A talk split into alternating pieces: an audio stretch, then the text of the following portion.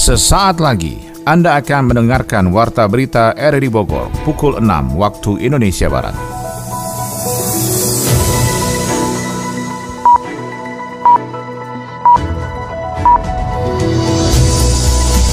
Selamat pagi dan salam jumpa. Kembali kami hadir dalam Warta Berita edisi hari ini, Rabu 12 Juli 2023. Siaran kami bisa Anda dengarkan lewat audio streaming di RRD Play dan bisa Anda dengarkan juga di audio on demand di Spotify, Anchor, Portal, dan Google Podcast. Berita utama pagi ini adalah DPR RI menyoroti kemacetan panjang pada libur sekolah di jalur puncak Bogor, Jawa Barat. Jadi dari Bojimi nanti akan kami, istilahnya kami sodet gitu ya, ada lanjutan dari Bojimi menuju ke Cianjur. Polresta Bogor Kota sudah meminta keterangan 34 saksi kasus pembunuhan siswi SMK Baranan Siang Bogor Noven yang sudah berlangsung selama 4 tahun. Kita melakukan pendalaman kembali keterangan-keterangan saksi yang dapat memberikan petunjuk lebih kepada penyidik. DPRD Kota Bogor membuka pengaduan masyarakat yang merasa benar namun dicoret dalam proses PPDB. Bahwasanya selama ia itu benar, persyaratannya benar, Gak usah takut. Saya Maulana Snarto, inilah Warta Berita selengkapnya.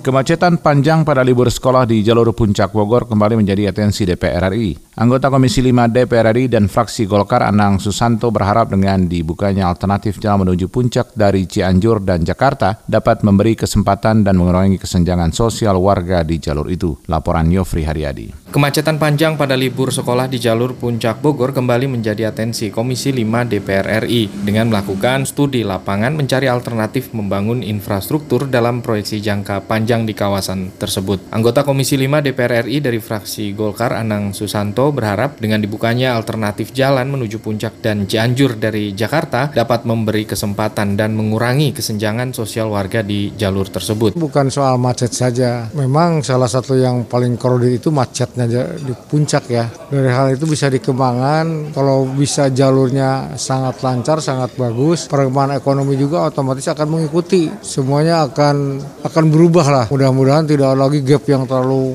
tinggi antara yang kaya dan yang miskin itu yang paling penting. Baik pemerintah melalui Kementerian PUPR dan BPTJ sudah mulai menyusun rencana dibangunnya akses tol dari pintu keluar tol Bocimi ke arah barat selatan hingga Cianjur. Direktur Jalan Bebas Hambatan Bina Marga BPTJ Triono Junoasmono mengatakan saat ini masih melakukan kajian dalam rencana proyek tol puncak sepanjang 51 km yang menelan anggaran sekitar 24,8 triliun rupiah. Kalau secara umum tadi panjangnya sekitar 50 sampai 52 km dari Caringin ke menuju Cianjur dan nanti Caringin itu nanti dari Bocimi betul Pak. Tadi dari Bocimi nanti akan kami istilahnya kami sodet gitu ya ada lanjutan dari Bojimi menuju ke Cianjur. Mudah-mudahan nanti dalam waktu dekat mereka sudah menyelesaikan kajiannya dan sudah kami terima, kami evaluasi dan kami terima. Program buka tutup arus, pembukaan jalur satu arah, dan yang terbaru adalah penerapan ganjil genap tidak menghalangi masyarakat berwisata ke kawasan Puncak Bogor yang ditandai dengan kemacetan lalu lintas yang cukup panjang. Anggota Komisi 5 DPR RI lainnya dari Dapil Kabupaten Bogor, Mulyadi, berulang kali mengangkat permasalahan tersebut dalam setiap sidang di Jakarta. Perjuangan saya, Pak. Ini bukan kepentingan saya, Pak. Saya seperti badut di Dapil, Pak. Ada sembilan anggota DPR RI, Dapil Kabupaten Bogor, satu-satunya Dapil yang satu kabupaten karena kapasitas penduduk yang begitu besar, saya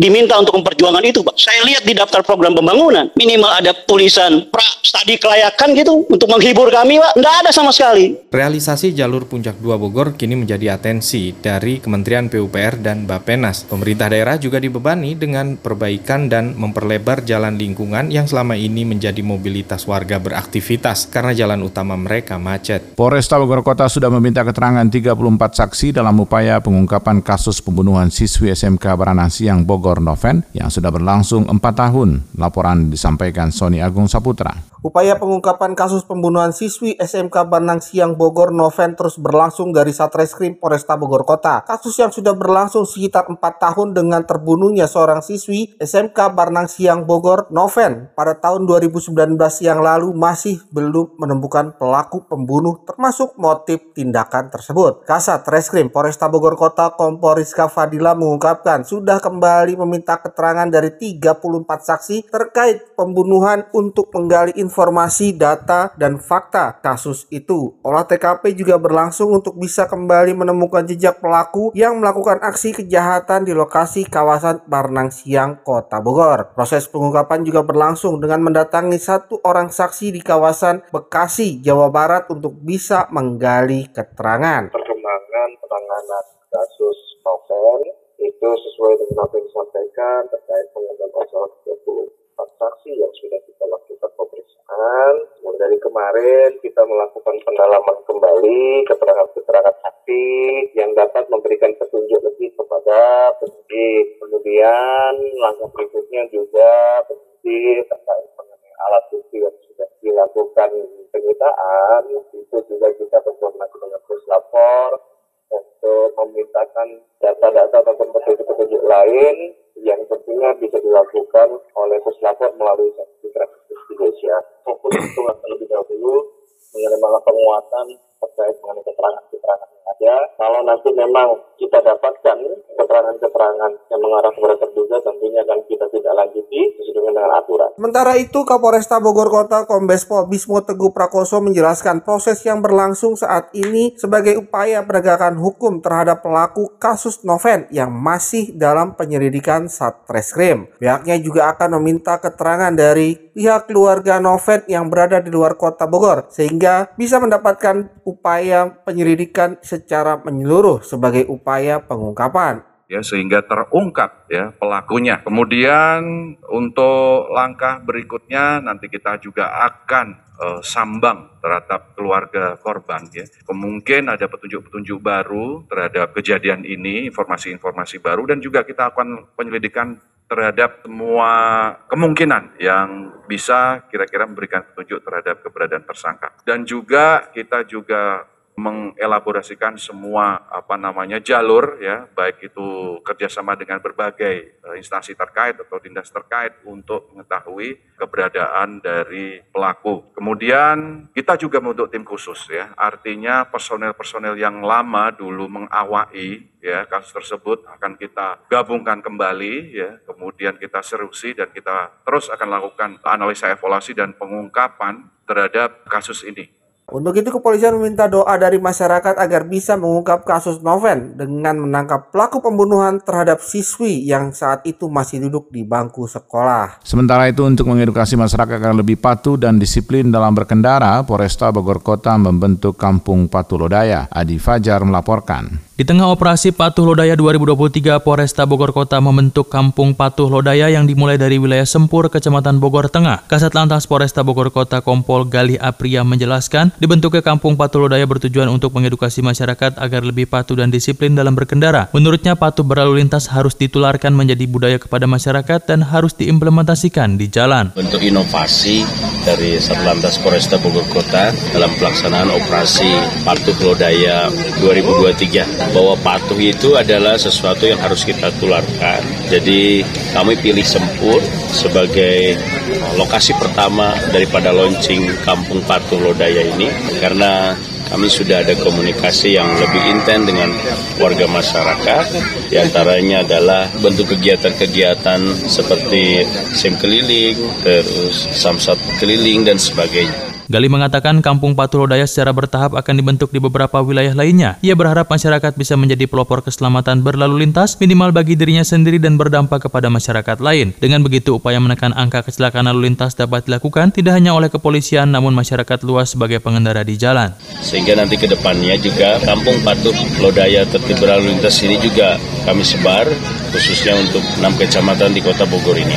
Mengandung maksud bahwa kepatuhan ini bukan hanya untuk diri sendiri, tetapi tapi kepatuhan ini adalah bisa ditular melalui keluarga, terus masyarakat dan skup yang paling uh, cukup luas adalah satu kampung atau kecamatan. Sehingga dalam operasi patuh Lodaya 2023 ini mudah-mudahan kami bisa menekan angka kecelakaan. Operasi Patuh Lodaya 2023 digelar mulai pada tanggal 10 hingga 23 Juli 2023. Dalam operasi rutin itu, Polresta Bogor Kota menerapkan tilang secara elektronik atau etle dan tilang manual bagi pengendara yang melanggar. Beberapa pelanggaran yang menjadi sasaran utama yakni seperti melawan arus, berkendara di bawah pengaruh alkohol, menggunakan telepon seluler saat mengemudi, tidak menggunakan helm SNI, dan mengemudi tanpa menggunakan sabuk pengaman. Bunda, eh adik sudah pulang. Bunda kata ibu guru minggu depan harus pakai pakaian adat buat acara sekolah. Oke. Emang pakaian adat itu apa sih? Oh, pakaian adat itu macam-macam pakaian tradisional daerah Indonesia. Indonesia itu kan luas sekali dari Aceh sampai Papua. Setiap daerahnya punya baju daerahnya sendiri. Sekarang Indonesia punya 37 pakaian adat nih. Terus ade pakai yang mana? Yang mana ya? Ade pilih aja sendiri ya. Nih, Bunda tunjukin gambarnya. Banyak banget kan? Hmm, bagus-bagus semuanya. Kayaknya ade mau yang warna putih ini deh. Boleh, nanti Bunda dandanin ya. Supaya Ade makin cinta sama Indonesia. Komisi 4 DPRD Kota Bogor membuka pengaduan pengumuman PPDB online. Masyarakat yang merasa benar namun dicoret dalam proses PPDB bisa melapor agar tidak kehilangan haknya untuk menempuh pendidikan di sekolah negeri. Laporan Sony Agung Saputra. Masyarakat yang sudah mendaftarkan anaknya dalam pendaftaran peserta didik baru PPDB online dengan tidak masuk saat pengumuman yang berlangsung dari pemerintah Kota Bogor. Pemerintah Kota Bogor memang sudah mencoret nama-nama pendaftar yang ternyata melanggar aturan sehingga tidak bisa melanjutkan pada pengumuman PPDB. Sekretaris Komisi 4 DPRD Kota Bogor Devi Prihatini menjelaskan masyarakat yang merasa benar namun dicoret dalam proses PPDB bisa melaporkan ke wakil rakyat agar dapat menjadi bagian dari pengawasan. Jangan sampai mereka yang sudah masuk di awal PPDB namun setelah adanya kebijakan malah tidak masuk dengan berbagai alasan pihaknya mencoba melakukan fungsi pengawasan dengan adanya laporan warga yang merasa dirugikan saat PPDB. Bahwasanya selama dia itu benar, persyaratannya benar,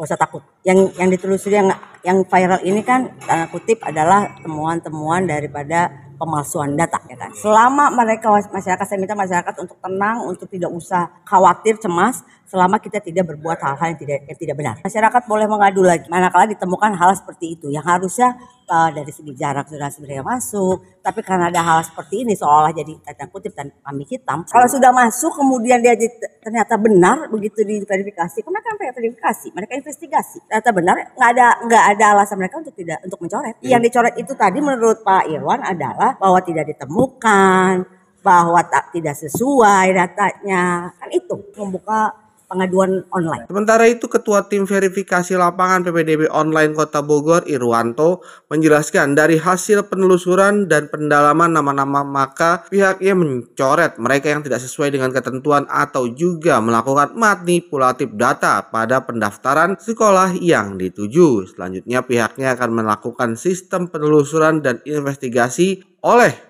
Inspektorat Daerah Kota Bogor untuk mencari ada tidaknya oknum pemerintah Kota Bogor yang ikut bermain saat PPDB online untuk mencari keuntungan pribadi. Data yang didapat dari ISWI itu kami verifikasi datang oleh teman-teman benar tidak ada nggak orangnya itu itu yang di, di, didapat oleh kami Pak. Jadi contohnya ya bahwa tadi kita yang sampaikan di tadi bahwa benar Bu di satu alamat ada tiga, malah ada tiga orang yang tiga orang keluarga yang berbeda. Itu ada, begitu. Jadi artinya bahwa ada haknya warga masyarakat yang benar-benar jonasi di situ dengan adanya itu Yang kedua, tim ini sekali lagi dibentuk bukan Bu Jati bukan untuk investigasi, tapi memverifikasi, memvalidasi bahwa data yang diberikan ke distrik atau ke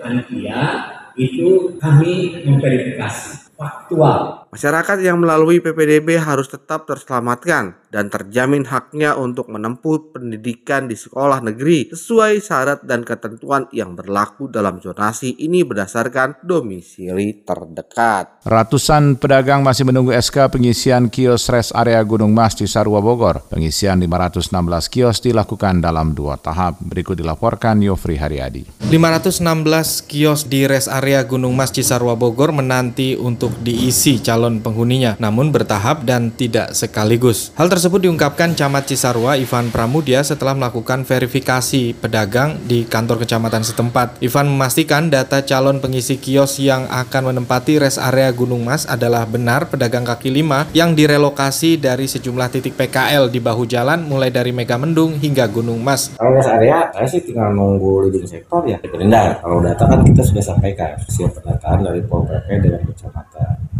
Kalaupun ada perbedaan kan harusnya bisa disinkronkan antara perbedaan data Perindak dengan data Pol PP dan kecamatan atau kita bisa mengulang berbareng lagi untuk tahan ulang. Tapi kalau itu sudah terjadi, sudah selesai, kan tinggal nunggu jadwal kapan teman-teman pedagang ini akan masuk RS area. Karena memang kebutuhannya kan mendesak ya Iya. secepatnya bisa diselesaikan tinggal nanti menunggu polanya akan seperti apa nanti Dari jumlah 516 kios di res area Gunung Mas ternyata ada 130 pedagang kaki lima yang merupakan titipan dari PTPN 8 Gunung Mas. Menjawab hal tersebut, Kepala Dinas Perdagangan dan Perindustrian Kabupaten Bogor, Enti Sutisna menjelaskan sebelum para pedagang mengisi kios akan dilakukan pengundian terlebih dahulu. Pihaknya hanya tinggal menunggu kurang lebih satu pekan ke depan setelah Sekda Kabupaten Bogor dan Asisten Bidang Perekonomian menerbitkan SK pengisian kios res area Gunung Mas Cisarua Bogor dan pengisian kios dilakukan dalam dua tahap. Kalau di Stagin tinggal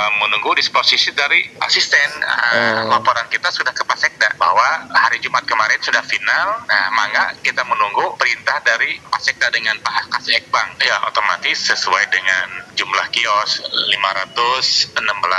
Hanya yang 130-nya dari perkebunan. Mungkin kita tidak tidak sekaligus ada dua tahap. Tahap pertama dari 130 ditambah dari data kita 200 sekian. Tahap kedua baru sisanya. Tapi oh, tahap di sini maksudnya udah udah ada dalam bentuk verifikasi mungkin hanya seminggu dua minggu beda perbedaannya gitu supaya tidak ini ada agar api lah kita dikocok dulu nih yang masuk titik-titiknya tidak semaunya nanti PKL supaya tidak ada kecemburuan Operator rest area nantinya direncanakan adalah BUMD Pariwisata PT Sayaga Wisata yang berkolaborasi dengan Perumda Pasar Tohaga Kabupaten Bogor. Selain menjadi pusat belanja dan wisata, rest area Gunung Mas juga dapat menjadi kantong parkir saat petugas melakukan rekayasa arus lalu lintas di tengah kemacetan panjang.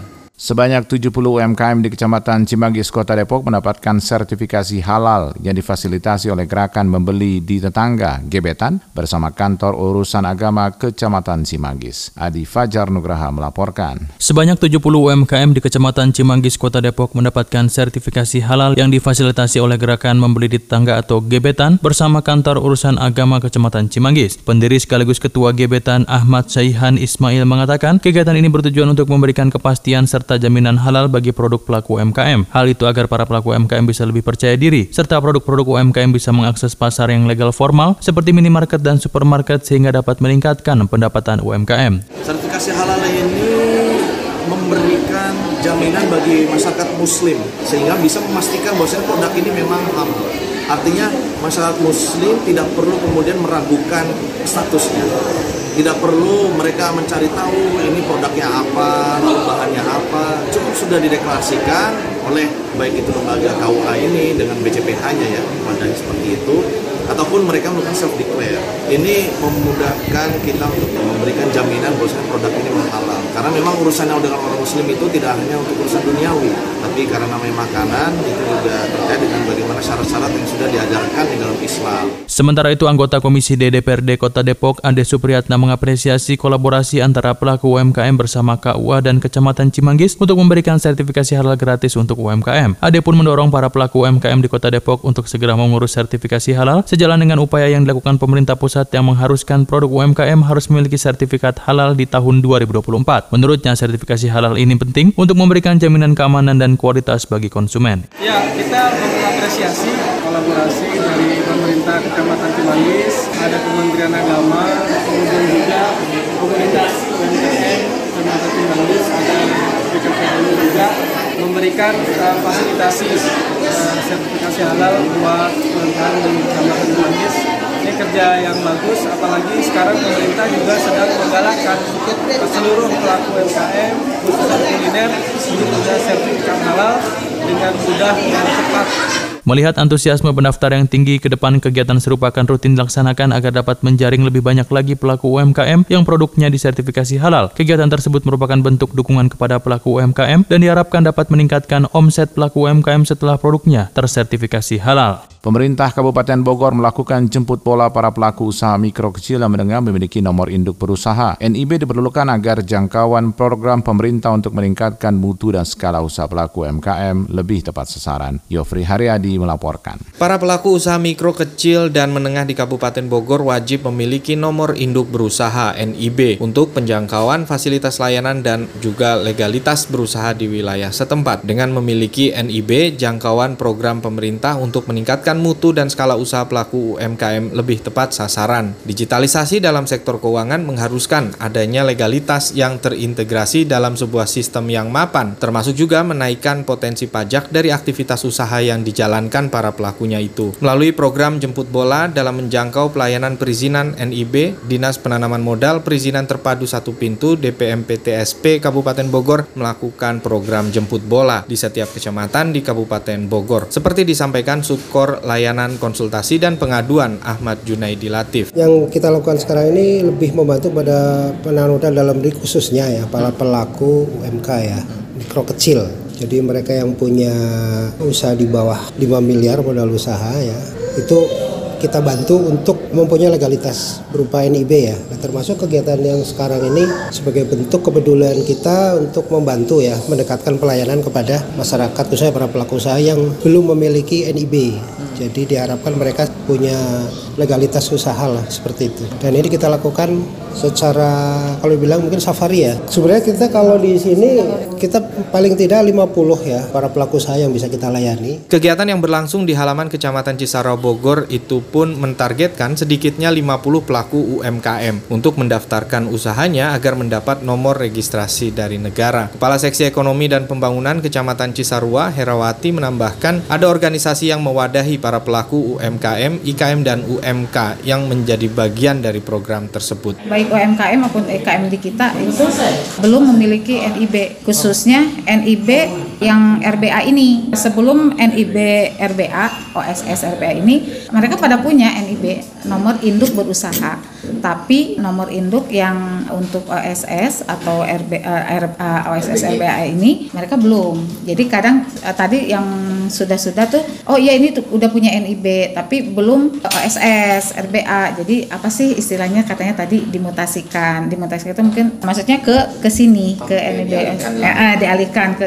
Mengurus NIB tidak perlu biaya mahal, seperti halnya memiliki nomor induk kependudukan yang datanya akan terintegrasi dan sangat dibutuhkan ketika skala usaha mereka naik kelas dan menjamin transaksi bisnis yang dilakukan baik di dalam maupun di luar negeri, termasuk kemudahan dalam menerima penyertaan modal usaha dari lembaga keuangan atau luar negeri.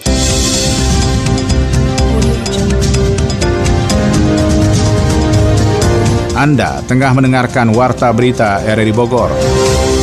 Informasi ekonomi kali ini soal nilai transaksi perdagangan Korea Selatan dengan Indonesia masih lebih rendah dibandingkan Korsel Vietnam. Penerimaan kepabeanan dan cukai anjlok 18,8 persen per Juni 2023. Kita ikuti laporan Adi Fajar Nugraha. Menteri Perdagangan Zulkifli Hasan mengungkapkan nilai transaksi perdagangan Korea Selatan dengan Indonesia masih lebih rendah dibandingkan dengan Korea Selatan Vietnam. Berdasarkan data yang ia paparkan, nilai perdagangan Indonesia Korea Selatan hanya 24,5 miliar US dollar atau setara dengan 371,1 triliun rupiah. Sementara nilai perdagangan Korea Selatan dan Vietnam tiga kali lipat lebih besar, yaitu 78 miliar US dollar atau 1.181 triliun rupiah. Zulhas mengatakan investasi negeri gingseng di Vietnam menjadi penyebab mengapa nilai dagang kedua negara itu lebih tinggi dibandingkan Korea Selatan dan Indonesia. Ke depan pemerintah serta duta besar Korea Selatan untuk Indonesia akan berusaha agar nilai perdagangan Korea Selatan dan Indonesia dapat menyaingi Korea Selatan Vietnam. Menteri Keuangan Sri Mulyani mengungkapkan penerimaan kepabeanan dan cukai anjlok 18,8 persen per Juni 2023 menjadi 135,4 triliun rupiah. Padahal penerimaan bea dan cukai tahun lalu masih tumbuh 36,5 persen menyentuh angka 166,8 triliun rupiah. Angka tersebut meningkat dari 2021 yang sebesar 122,2 triliun rupiah yang tumbuh sebesar 31,1 persen. Menkyu merinci penerimaan cukai per semester 1 2023 ini turun 12,2 persen menjadi 105, triliun rupiah. Ia menegaskan hal ini disebabkan penurunan produksi yang signifikan, bahkan penerimaan dari bea keluar merosot tajam hingga 77 persen. Sri Mulyani menyebut faktor utamanya adalah koreksi harga komoditas, terutama minyak kelapa sawit atau CPO. Selain itu, volume ekspor dari berbagai tambang mineral Indonesia juga menurun. Ini seiring dengan program hilirisasi yang menjadi andalan Presiden Jokowi. Sementara itu, secerca harapan masih dicatat oleh bea masuk. Penerimaan negara dari pintu ini masih tumbuh 4,6 persen, menyentuh angka 24,2 triliun rupiah. Ini disebabkan karena aktivitas impor yang naik cukup tinggi. Di sisi lain, kurs rupiah yang melemah hingga di atas 15.000 rupiah per dolar Amerika Serikat turut berkontribusi. Menteri Keuangan Sri Mulyani juga memprediksi penerimaan kepabeanan dan cukai pada akhir tahun ini hanya akan mencapai 300,1 triliun rupiah alias 99 persen dari target awal APBN 2023, yakni 303,2 triliun rupiah.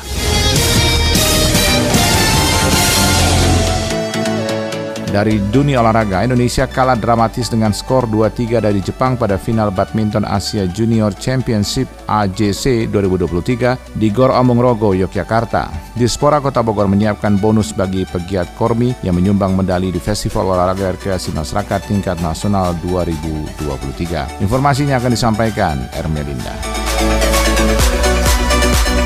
Indonesia kalah dramatis dengan skor 2-3 dari Jepang pada final badminton Asia Junior Championship atau AJC 2023 di Gor Among Rogo, Yogyakarta pada hari Selasa kemarin. Laga pembuka diawali ganda campuran Adrian Pratama dan Felicia Alberta Nathaniel Pasaribu melawan Daigo Tanioka dan juga Maya Taguchi. Namun Adrian Felicia terpaksa kalah dalam dua game langsung 8-21, 20-22. Pasangan yang debut di AJC 2023 itu tampak kesulitan mengantisipasi serangan lawan. Felicia mengaku terkejut dengan dengan strategi yang dikeluarkan oleh Daigo dan Maya. Namun kini dengan hasil tersebut, Adrian Felicia berharap bisa menampilkan hasil yang lebih baik lagi di nomor perorangan karena mereka ingin meraih gelar juara.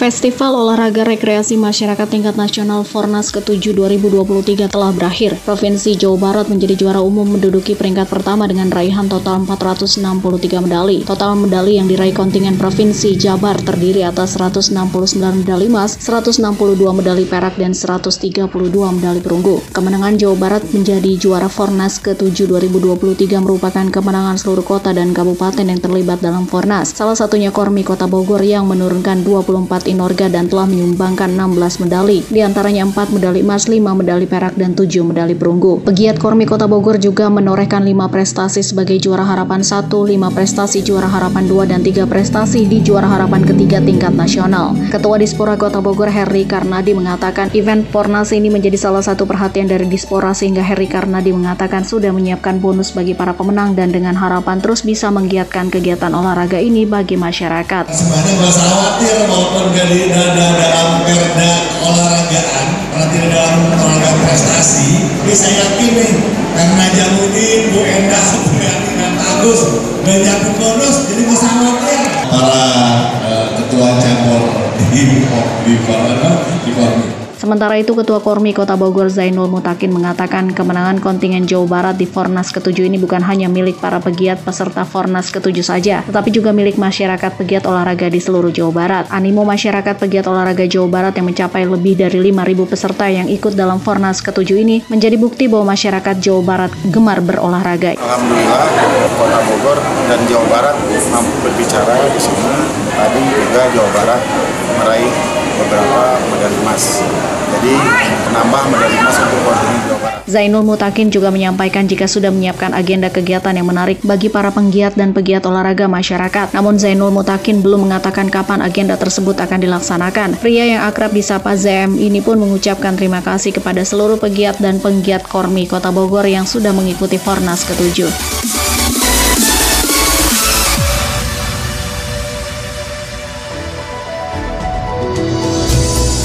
Demikian rangkaian informasi yang kami hadirkan dalam Warta Berita di edisi hari ini. Sebelum berpisah, kami kembali sampaikan berita utama. DPR RI menyoroti kemacetan panjang pada libur sekolah di jalur puncak Bogor, Jawa Barat. Polresta Bogor Kota sudah meminta keterangan 34 saksi kasus pembunuhan siswi SMK Baranang Siang Bogor, Noven, yang sudah berlangsung selama 4 tahun. DPRD Kota Bogor membuka pengaduan masyarakat yang merasa benar namun dicoret dalam proses PPDB. Mewakili kerabat kerja bertugas, saya Maulana Estarto mengucapkan terima kasih. Selamat pagi.